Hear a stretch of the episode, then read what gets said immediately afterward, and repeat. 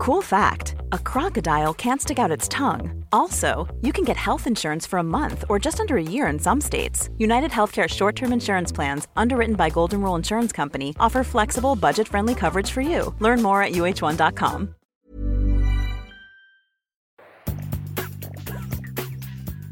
Hei, og velkommen til en ny episode av Sinnsyn på Patron. I dag skal jeg snakke om det du trenger for selvrealisering. Vi har alle en del av oss selv som ønsker å være lykkelig og realisert, men denne delen kan være godt begravd under stress, dårlig selvtillit og andre destruktive krefter. Hva skal egentlig til for å vekke de sunne sidene i oss? Denne episoden inngår i et lite knippe episoder om endringsprosesser. Mange av ideene i disse episodene er henta fra to teoretikere som heter Jeffrey Young og Janette Klosko. De har eh, utarbeida en eh, omfattende teori om noe de kaller for negative grunnleggende leveregler, og du som følger sinnssyn har hørt om dette her før. De er altså opptatt av hvordan mennesker kan endre seg og skape positiv vekst i eget liv, og de er opptatt av alle de synlige og usynlige hindrene man støter på i en slik utviklingsprosess. I boken som heter Gjenvinn livet ditt, har Young og Klosko samlet en beskrivelse av 12–13 skjemaer eller moduser eller det de kaller negative leveregler, som ligger i skyggen av vårt eh, mentale operativsystem og styrer oss i bestemte retninger, anstifter negative følelser, stress, usikkerhet og andre plager som hindrer vekst og utvikling.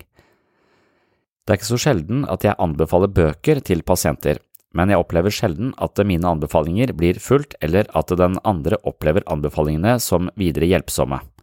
Imidlertid er boka til Young og Klosko blant de bøkene flest pasienter faktisk har fått noe ut av, og mange har virkelig endra seg i møte med ideene om negative leveregler. En pasient skriver eh, følgende. Jeg har vært på selvmordets rand mange ganger og deprimert siden jeg var fem år gammel. Jeg har brukt 40 år i terapi og er på en cocktail av medisiner. Jeg har hatt ECT-behandling med varierende suksess. Jeg var klar til å gi opp terapi og teste ut noe veldig alternativt, men psykologen min var imot dette. Så fant jeg denne boka, det hele virket kjent, det er ikke noe radikalt å lese i boka, men å se livet mitt, valgene mine, opplevelsene mine som refleksjoner av bestemte skjemaer eller leveregler, tillot meg å se meg selv på en helt ny måte. Jeg kjente meg igjen som en eh, underdanig person, jeg har alltid opplevd at jeg må tilpasse meg andre for å ikke bli avvist eller mislikt, jeg ble oversett og tatt for gitt av alle, og det knuste alt jeg hadde av selvfølelse og selvrespekt. I boka fikk jeg en klar beskjed om å jobbe med selvhevdelse. Det var ikke lett, men det var heller ikke helt umulig. Jeg begynte å sette egne behov litt lenger frem i køen, og så begynte jeg å være ærlig med meg selv. Jeg innså at jeg oppførte meg passivt aggressivt. At all min innestengte selvhevdelse hadde stivnet og blitt til bitterhet og forakt for alt og alle som klarte seg bedre enn meg. Jeg var indirekte irritert på alle, men smilte så godt jeg kunne uansett. Jeg var falsk. Når jeg var mer ærlig med meg selv og ga litt mer direkte uttrykk for hva jeg mente og trengte, begynte de depressive symptomene å avta. Young og Klosko beskriver ulike livsspor, og disse sporene kan virkelig føre deg på ville veier hvis ikke du oppdager at livet ditt er ute av kurs, ofte på grunn av mye dritt som har skjedd tidligere i livet. Gjenvinn livet ditt er en bok full av innsikt. Den kan hjelpe oss å identifisere selvdestruktive mønstre som kan ha dukket opp tidlig i barndommen og fortsetter å forårsake ødeleggelser i vårt voksne liv. De forskjellige livssporene, eller negative levereglene, som forfatterne kaller dem, er beskrivelser av ugunstige atferdsmønstre som en voksen kan gjenta uten å oppdage dynamikken i sine valg og relasjonelle uvaner. Dette kan føre til elendige parforhold, store problemer i arbeidet og familielivet. Det er en eh, test tidlig i boka for å hjelpe deg med å bestemme hvilke livsfeller som kan gjelde for deg, og denne testen kan du finne igjen i sidebar på webpsykologen.no. Jeg har kalt den personlighetstest, og den er eh, illustrert med en fyr som holder et skilt med et spørsmålstegn foran ansiktet. Ut ifra denne teksten kan du klikke deg inn på de ulike levereglene som du eventuelt eh, kjenner deg igjen i, og der finner du en beskrivelse av dynamikken i nettopp dette livsmønsteret samt eh, forslag til ting du kan gjøre for å gjenvinne livet ditt. Så hvis du mistenker at du eh, sliter med en negativ leveregel, så kan du også mer eller mindre utrede deg selv ved å ta denne personlighetstesten, som altså ligger i sidebar på webpsykologen.no. Der må du bare svare på noen spørsmål, og der eh, du kjenner deg igjen i eller kan svare ja på flest spørsmål, er det sannsynlig at du eh, er beheftet med den eh, aktuelle leveregelen, og da er det altså en del linker så du kan klikke deg inn på og komme mer i dybden på den enkelte leveregelen. Så hvis du mistenker at du er under innflytelse av noen negative livsmønstre som har oppstått tidlig i livet ditt, så kan du altså komme litt mer inn i forståelsen og psykologien bak disse mønstrene ved å ta den testen i sidebar på webpsykologen.no. Med et eh, forord av den kjente psykiateren Aaron Beck holder eh, Gjenvinn livet ditt et eh, stort løfte om innsiktsfullt psykologisk gjennombrudd. Jeg har selv likt å lese om de forskjellige levereglene og hvordan hver og en kunne ubevisst kultiveres i et barn av foreldre som enten var fraværende, avhengige eller velmenende og bare mindre opplyste. Young og Klosko går i detalj på hvert atferdsmønster og ikke minst hvordan de finner sin opprinnelse i barndommen. Og det er nettopp eh, disse beskrivelsene som også er gjengitt på Webpsykologen. De er ikke avskrivninger fra boka, men de er en oppsummering av boka til Young og Klosko. Det er det jeg drev med for en del år siden, å lese fryktelig masse selvhjelpsbøker, oppsummere de viktigste eh, poengene og eh, skrive ned mine oppsummeringer på webpsykologen.no. Og ganske systematisk gikk jeg gjennom hele Gjenvinn livet ditt for å oppsummere Eh, den boka fordi jeg syns den var blant de bedre selvhjelpsbøkene jeg leste. Young Klosko gir eksempler med anekdotiske historier om hvordan noen av pasientene deres lærte å overvinne de destruktive livsmønstrene. Boka er lettlest, den bruker i liten grad faguttrykk eller eh, medisinsk sjargong, noe som gjør den veldig tilgjengelig for folk flest, men den er eh, nok også et svært godt supplement for behandlere. Alt er godt forklart for lekmenn, og boka får deg virkelig til å tenke. Det er også primært Jeffrey Young som betraktes som opphavsmannen til den såkalte skjematerapien og konseptet om negative leveregler. Han er en interessant person med en jovial fremtoning. Jeg har fulgt ham i mange år, det vil si på avstand i form av hans artikler, bøker, foredrag og kurs, og noe av det jeg liker best med hans holdning til psykisk helse, er hans engasjement for at folk ikke bare skal bli kvitt depresjonen, men faktisk etablere et godt liv. Det å være deprimert er noe dritt, men i behandling kan man bli kvitt depresjonen. Nå er man en person uten depresjon, men det betyr ikke at man føler seg lykkelig. Lykkelig er ikke det motsatte av depresjon. Jeffrey Young legger merke til at psykisk eh, helsevern først og fremst skal fjerne psykiske plager, og det er for så vidt en edel målsetning, men det betyr ikke at vi sender klientene ut i verden som lykkelige mennesker. De kan fortsatt oppleve liten grad av tilfredsstillelse ved eget liv, i liten grad føle seg selvrealiserte, men de er ikke deprimerte. Jeffrey Young var i tillegg til å fjerne symptomer på destruktive karaktertrekk ute etter å peke mennesker mot enda høyere målsetninger med hensyn til mental helse. Hans ambisjoner var å peke mennesker i retninger som kunne føre til et godt og rikt liv, ikke bare et liv uten depresjon. Jeg vil la Jeffrey Young forklare denne biten med egne ord før vi går videre i dagens episode. Well, the thing is that some people, even if they have characterological issues, many people can still use the strategies and get better from this episode. Uh-huh. The problem is it doesn't necessarily keep them from having another episode. Yeah. But more importantly, it doesn't necessarily make their life happy. Yeah. Getting and this is something I learned from Beck actually through a separate way is that being the absence of depression is not the same as being happy in your life. Sure. And what I always say to people, and I, I once said to ask Beck, I was saying, I was asking him, this is when I was in at his institute, and I was saying, why is it that when you develop the Beck inventory, there aren't items for every item why aren't there the positive ones like i feel good i feel great uh-huh. he says well we actually did that but they came out as two different dimensions the uh-huh. negative dimension of the negative did not was not on a continuum with the positive side which makes it clear that being happy is not the opposite of being depressed Great. being non-depressed is the opposite of being depressed yeah. so it's important to realize that i was not satisfied having a patient go out end therapy have their depression gone. I mean, that was an accomplishment. I thought that was worthwhile. I still do. But they still often were very unhappy in their lives. Uh-huh. You know, they had major life problems, but they were no longer clinically depressed. So to me, so you still felt that even in the clinic. Absolutely, uh-huh. yeah. And then when I went to private practice, where the patients weren't screened at all in a private practice, the way they were, because they were screened yeah. for having major depression.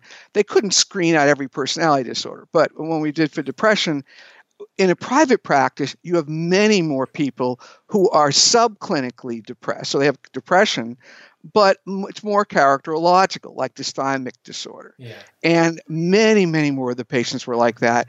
And they would only have a minimal response to cognitive therapy. And that's what I think was more of the transition when I moved from a, from a population that was primarily, which was, they were strongly depressed, to ones where they were more like a typical private practice situation, just like a like the normal patient population, where you know a percentage are clinically depressed, but a much larger number have depression, but not enough to be clinical. Yeah. So um, and I guess this is at the time of the private practice, or when you go to private practice, is when you start hearing that often quoted phrase like, "Yeah, I can get the rationale intellectually, but I still feel right. the same." Exactly. I think that's what I put in that book you had 1990 was uh-huh. that that's what I kept hearing from patients. and of course, it only would come up with what I now call schemas because they wouldn't say that around like just everyday situations trying to show them where they were not looking at it properly. But when i it might be something about self-esteem and mm-hmm. i'd say well you know as you can see like all the evidence doesn't doesn't uh, justify your feeling that you're a totally worthless person. And they'd say, well, like uh, that makes sense objectively, but I, I still feel like I'm totally worthless. Yeah, yeah. And no matter what I did that was anywhere cognitive or behavioral, uh-huh. it wouldn't change that. And, and that's when I. It was a pretty frustrating time as a therapist, no? Right. It was frustrating because, but for me, frustrating is challenging because okay, it's boring. See, it's it's boring if you do the same thing over and over again. There's nothing challenging in the patient. It can get boring doing therapy. Uh-huh, uh-huh. So, in a way, they were also the most interesting to me because I had to figure out what's missing in the model. What do I need to come up with? What can I draw on to help patients where the cognitive therapy or behavior therapy were not enough. Yeah. And that's what led to developing yeah. the schema therapy really over a period of time. Så Jeffrey Young han eh, verbaliserer noe jeg tror de fleste klinikere kjenner seg igjen i, altså denne opplevelsen av at eh, mange klienter har mye innsikt, de forstår dynamikken i sine egne mønstre, de forstår at eh, de objektivt sett ikke har grunn til å ha så lav selvtillit som det de har, men det gjør ingen forskjell. Likevel, selv om de forstår det med intellektet sitt, at eh, selvfølelsen deres eh, kunne vært eh, skrudd opp et par hakk for å være mer i takt med virkeligheten, så er den fortsatt på bånn. Så de har en følelse av lav selvtillit, selv om de vet at de rasjonelt sett kunne tatt høyde for en litt bedre selvfølelse, men de har ingen bedre selvfølelse. Så hva er da forholdet mellom det å forstå seg selv og forstå feilkoblingene sine, men likevel ikke klare å gjøre noe med det? Og det er det som er eh, ganske hva skal si, eh, effektivt og, og, prisverdig med boka til eh, Jeffrey Young og Janette Klosko, altså Gjenvinn livet ditt, fordi den hele tiden gir deg øvelser og praktiske tips til, til hvordan du kan operasjonalisere den innsikten du har for å endre livet ditt. For det er nok sånn at vi kan ha mye innsikt, men hvis ikke vi klarer å implementere den innsikten, altså eie den innsikten på en måte som gjør en forskjell i livet vårt, så har det jo ingen verdi, eh, mer eller mindre. Så Young og Klosko har da laget en selvhjelpsbok hvor de eh, putter inn masse tips og triks eh, for å bruke den innsikten man eventuelt får om seg selv til å faktisk endre livet sitt, eller leve mer i takt med et mer så å si, objektivt eh, og virkelighetsnært bilde av eh, deg selv og din egen verdi da, som, eh, som menneske.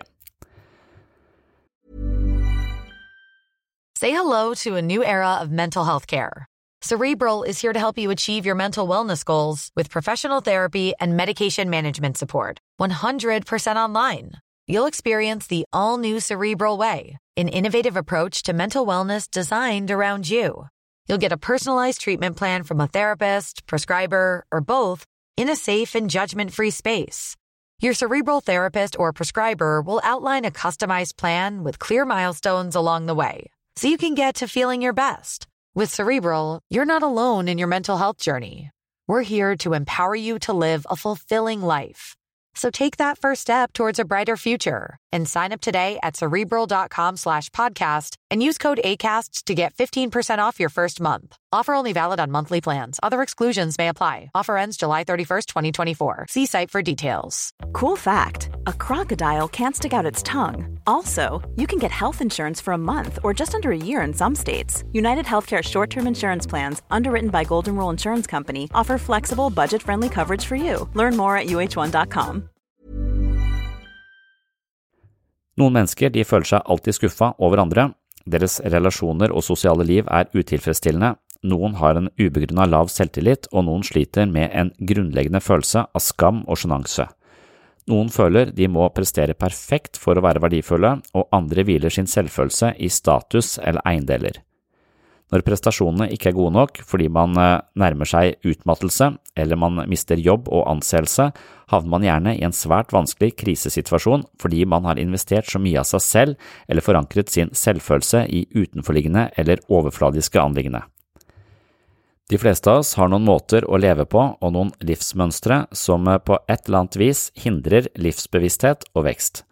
Disse mønstrene er ofte ubevisste, og nettopp fordi vi er uoppmerksomme på deres innflytelse, hender det at negative, grunnleggende leveregler styrer måten vi tenker, føler og handler på uten at vi er klar over det. Problemer av denne typen er vanlig, men det er først når vi utvikler mer synlige symptomer på angst, depresjon, utmattelse, kroppslig smerte, søvnvansker, mageproblemer, uro, sosiale fobier eller andre ubehageligheter, at vi blir klar over at eh, måten vi lever på, våre holdninger eller våre selvopplevelser, selvoppfattelser, kan ha noen skavanker som hemmer oss. I en slik situasjon ønsker man gjerne en forandring, men forandring kan være en svært utfordrende prosess. Nettopp dette er tema for en lengre serie av episoder på den åpne podkasten, samt de neste episodene her på Patron. Det skal handle om ulike perspektiver på endring og selvutvikling. Et annet eh, viktig poeng som eh, Jeffrey Young gjør i det intervjuet du hørte litt av tidligere, det er å skille mellom eh, ulike akser i forståelsen av symptomer og psykiske plager. Altså man kan ha akse 1-problematikk, som er altså symptomer på angst, depresjon osv., men så kan man også ha en type akse 2-problematikk, hvor man har mer sånne det de kalte karakterfeil, eller eh, mer sånn personlighetsmessige problemer, altså problemer som er forankra mer i personligheten og ligger litt dypere enn de symptomene som kommer til overflaten. Og det Jeffrey Young mener, er at de aller fleste mennesker som opplever symptomer på psykiske plager, har disse symptomene, og man kan kanskje fjerne de symptomene, men under der så ligger det også en type personlighet, noen livsmønstre, som eh, hele tiden vil eh, ligge og styre oss og nettopp føre oss inn i type situasjoner og erfaringer og måter å tenke på som genererer de symptomene som da kommer til overflaten. Så selv om eh, man eh, kan fjerne symptomene på overflaten, så vil det også ligge noen eh, karaktertrekk under overflaten, og kanskje føre oss tilbake til det ubehagelige stedet, eller tilbake til symptomene på et senere tidspunkt, hvis ikke man også begynner å nøste litt i disse livsmønstrene som, som ligger under. Så han sier at det er veldig sjelden at et menneske har eh, bare symptomer uten at det er en underliggende, mer sånn personlighetsrelatert problematikk som har generert nettopp de symptomene. Og der er jeg for så vidt enig med han. Jeg tror de fleste av oss har noen sånne litt maladaptive mønstre som eh, er eh, mer eller mindre den dypereliggende årsaken til at vi i enkelte settinger utvikler eh, symptomer på enten angst, depresjon, tvangstanker eh, osv., som er mer sånne symptomting. Symptomene er et uttrykk for noe underliggende. Før jeg går videre, så vil jeg også poengtere at jeg ikke nødvendigvis bejaer verken selvutvikling eller mentaliteten som driftes av tanken om uendelig progresjon. For når jeg da snakker her om selvrealisering og selvutvikling, og det er noe jeg snakker mye om på sinnssyn generelt sett, så kan man også lett havne i den grøfta hvor eh, man eh, blir eh, besatt av sin egen psykiske helse og sin egen lykke og sitt eget indre liv på en sånn måte at man blir selvsentrert og egoistisk, og ikke det som jeg tenker er hovedessensen, eller hovedpoenget med selvutvikling, må være å komme mer i balanse så vi har mer å gi til andre. Men eh, veldig mange assosierer sånne selvutvikling og og selvrealisering med type Hollywood Whitney Houston-yoga, og det er jeg egentlig eh, ganske sterk motstander av. Så på Webpsykologen har jeg imidlertid skrevet en del om selvrealisering, eh, sett i kontekst av blant annet positiv psykologi, altså en grunnleggende antakelse om at eh, mennesket ønsker å utvikle seg og realisere sine potensialer for å føle seg lykkeligere, og at dette er noe alle kan oppnå. En leser poengterer at det er forskjell på den moderne allmenne forståelsen av selvrealisering, altså ensidig prestasjon, og den bredere formen for selvrealisering som jeg forsøker å utforske, og som ble pekt ut allerede av Aristoteles og frem til Maslow og Sellingmann med flere i moderne tid. Finn Skårderud skrev noen artikler i boka Skam eh, om forholdet mellom moderne selvrealisering og skam. Tidligere var det for mye selvrealisering og det å stikke seg ut i mengden som førte til skamfølelse. I dag er det imidlertid den individuelle opplevelsen av å ikke realisere seg selv som fører til skam. Samtidig er det uklart hva som egentlig menes med selvrealisering. Grensene for hvor mye man kan realisere seg selv og hvordan man skal realisere seg selv, de eksisterer ikke. Selvrealisering er et grenseløst prosjekt, Dersom man følger det moderne effektivitetspresset og produksjonsjaget til det fulle, risikerer man kanskje også å fjerne seg stadig mer fra sine medmennesker. Empatien med de andre blir svekket fordi man er så opptatt av sitt egoistiske livsprosjekt, samtidig som man aldri blir fornøyd med det man oppnår. Man kan jo alltids gjøre det bedre. Og spørsmålet blir da som følger, er det gitt at det å realisere seg selv fører til et lykkeligere liv? Kan det tenkes at å realisere seg selv på et indre plan ikke er tilstrekkelig for å føle lykke, siden idealene om selvrealisering i samfunnet for øvrig er veldig prestasjonsfokuserte og vice versa. Dette er et viktig innspill og noe vi bør skrive oss bak øret. Imidlertid mener jeg at balansen er stikkordet. Akkurat som man kan trene for mye på et helsestudio, bli besatt av større muskler og kroppsperfeksjon, så kan man kanskje bli besatt av mental trening og begge deler er nok skadelig på hver sin måte. Når man blir sykelig opptatt av kropp, livsstil, dietter og treningsregimer, kan det tippe over i det som kalles for ortoreksi, altså en diagnose som refererer til riktig vekst. Anoreksi er lite vekst, og det er eh, de som vegrer seg for å spise i det hele tatt, og ortoreksi er altså da riktig vekst, og det er de som skal være perfekte på alle mulige måter, og alt i livet handler om perfeksjon, og det går på bekostning av det å nyte livet, slappe av, senke skuldrene og ha det bra. Selv om det finnes eh, fallgruver i eh, interessen for å jobbe med seg selv, er ikke det et argument for å slutte å kultivere sitt indre liv. Jeg er fortsatt tilbøyelig til å være enig med Sokrates når han eh, angivelig påsto at det ureflekterte livet er ikke verdt å leve. Dessuten mener jeg at eh, sunn selvrealisering ikke har som mål å bli seg selv god nok, men å bli en balansert versjon av seg selv som har mer å gi til andre. Det er når jeg er i ubalanse at jeg er en dårlig pappa, venn og kollega. Jeg trenger å være mentalt kalibrert for å vie meg til mine nærmeste på en uhindra måte, og det er ikke noe som kommer av seg selv. Jeg er nødt til å ha et visst fokus på mitt indre liv, akkurat som jeg må en tur innom jogging og styrketrening i løpet av en uke. Man skal passe på at man ikke forsvinner inn i sin egen navle når man undersøker selvrealisering, men jeg synes det å være ubetinget kritisk til dette fordi noen blir totalt selvsentrerte i fokus på en bedre variant av seg selv, er litt hysterisk. Young og Klosko sin første antakelse med hensyn til endringsfilosofi er at alle mennesker ønsker å realisere seg selv og leve mest mulig fritt og lykkelig. Vi har med andre ord en del av oss som streber etter vekst og utvikling. Denne delen kan imidlertid ha blitt begravd i løpet av år med vanskjøtting, underdanighet, mishandling, kritikk, mobbing eller andre destruktive krefter. På grunn av vonde erfaringer og destruktive relasjoner kan mennesker utvikle en slags grunnleggende idé om at de er mindre verdifulle enn andre. De setter egne behov i siste rekke og ofrer seg for andre. Selvhat eller mindreverdighetskomplekser kan også resultere i atferd som hele tiden forsterker en nedslående selvfølelse. Noen tenker at de ikke fortjener å være lykkelige, og andre oppfører seg kaldt og fiendtlig som følge av en iboende frykt for nærhet eller som følge av en grunnleggende mistillit til andre mennesker.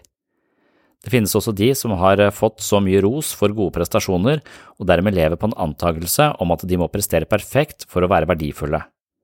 Slik kan livet bli en evig kamp om å føle seg god nok. Hvis man bare får ros på prestasjonene sine og ikke en følelse av at man er god nok for den man er, så vil man ofte koble egenverdi til prestasjoner, og da kan livet bli slitsomt. Oppveksten vår spiller en viktig rolle, og foreldrerollen er et stort ansvar. Jeg har snakket om at vi formes i møte med våre omgivelser, og det er via foreldrenes responser vi lærer oss selv å kjenne. Derfor spiller foreldrenes oppførsel en rolle, og hva som konstituerer den beste oppdragelsen, er et spørsmål vi stadig vet mer om, og alt vi trodde var riktig for 20 år siden, kan være fullstendig feil i dag.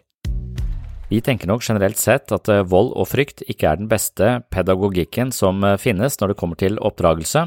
Kanskje får man lydige barn, men sjansen for at disse barna har det beste utgangspunktet for et eh, liv med sinnsro og mental balanse, er langt ifra sikkert. Young og Klosko mener, i motsetning til den indiske standup-komikeren Russell Peters, at vonde erfaringer fra oppveksten kan undergrave den delen av mennesket som borger for positiv vekst og selvrealisering. Dersom man lider under et slikt negativt mønster, som dypest sett eh, frarøver oss muligheten for et uh, lykkelig liv, må man først og fremst identifisere dette mønsteret. Vi må se hvordan våre samspillsmønstre opererer, og hvordan de påvirker både tanker og følelser i negative retninger. I denne sammenhengen har vi altså lagt ut en personlighetstest som eh, vi håper kan fungere som et eh, selvutviklende verktøy i forhold til innsikt i de mønstrene som eventuelt hindrer vekst og utvikling. Som nevnt så har jeg kalt den for personlighetstest eh, og selvutviklingsprogram, og du finner det i sidebar på Webpsykologen. I sidebar så er det altså en type personlighetstest, og så er det bilde av en fyr som holder et spørsmålstegn foran eh, ansiktet sitt, et skilt med et spørsmålstegn eh, på, og så står det personlighetstest. Og Der inne kan du svare på en hel haug av eh, spørsmål, og de bolkene hvor du kjenner deg igjen eller svarer bekreftende på de fleste spørsmålene, så kan du også dykke dypere ned i psykologien bak de ulike negative livsmønstrene som eventuelt hindrer deg i ditt liv. Dette var en av de korte bonusepisodene her på Sinnsyn. Målet mitt her er å servere noen tanker og lettbeinte poeng som du kan ta med deg inn i de neste dagene, gjerne i påvente av en ny fullverdig episode som kommer ut på mandag. Det du hørte her i dag er hentet som et lite utdrag fra mitt mentale treningsstudio. På Sinnsyns mentale treningsstudio finner du hundrevis av eksklusive episoder, videoforedrag, kurs og mentale øvelser fra sinnssyn. Som medlem på mitt mentale treningsstudio inviterer jeg deg på en reise langt inn i sjelslivets ubevisste avkroker. Gjennom trening kan vi styrke kroppen, men det finnes også mentale treningsformer som styrker psyken. Oppdag nye sider ved deg selv og andre mennesker med å laste ned Sinnsyn-appen og få et mentalt helsestudio rett i lomma. Appen kan brukes både med og uten abonnement, så den er gratis å laste ned. Sjekk den ut.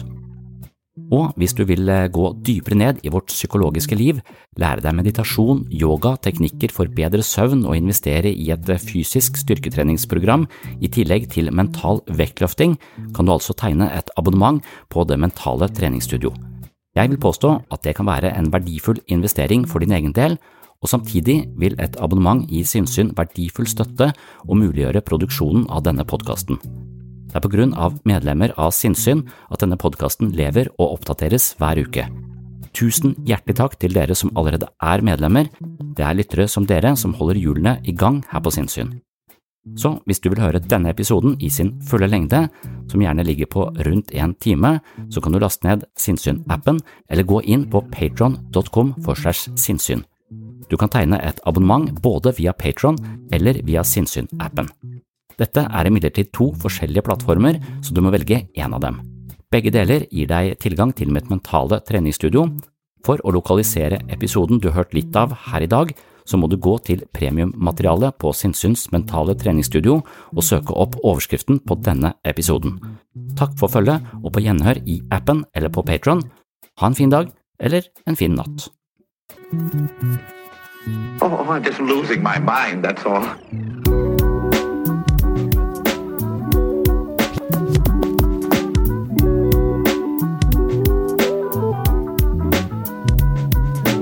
I can discuss some of the I can discuss some of the I can discuss some of the psychological aspects of the case. Psycho, psycho, psychological aspects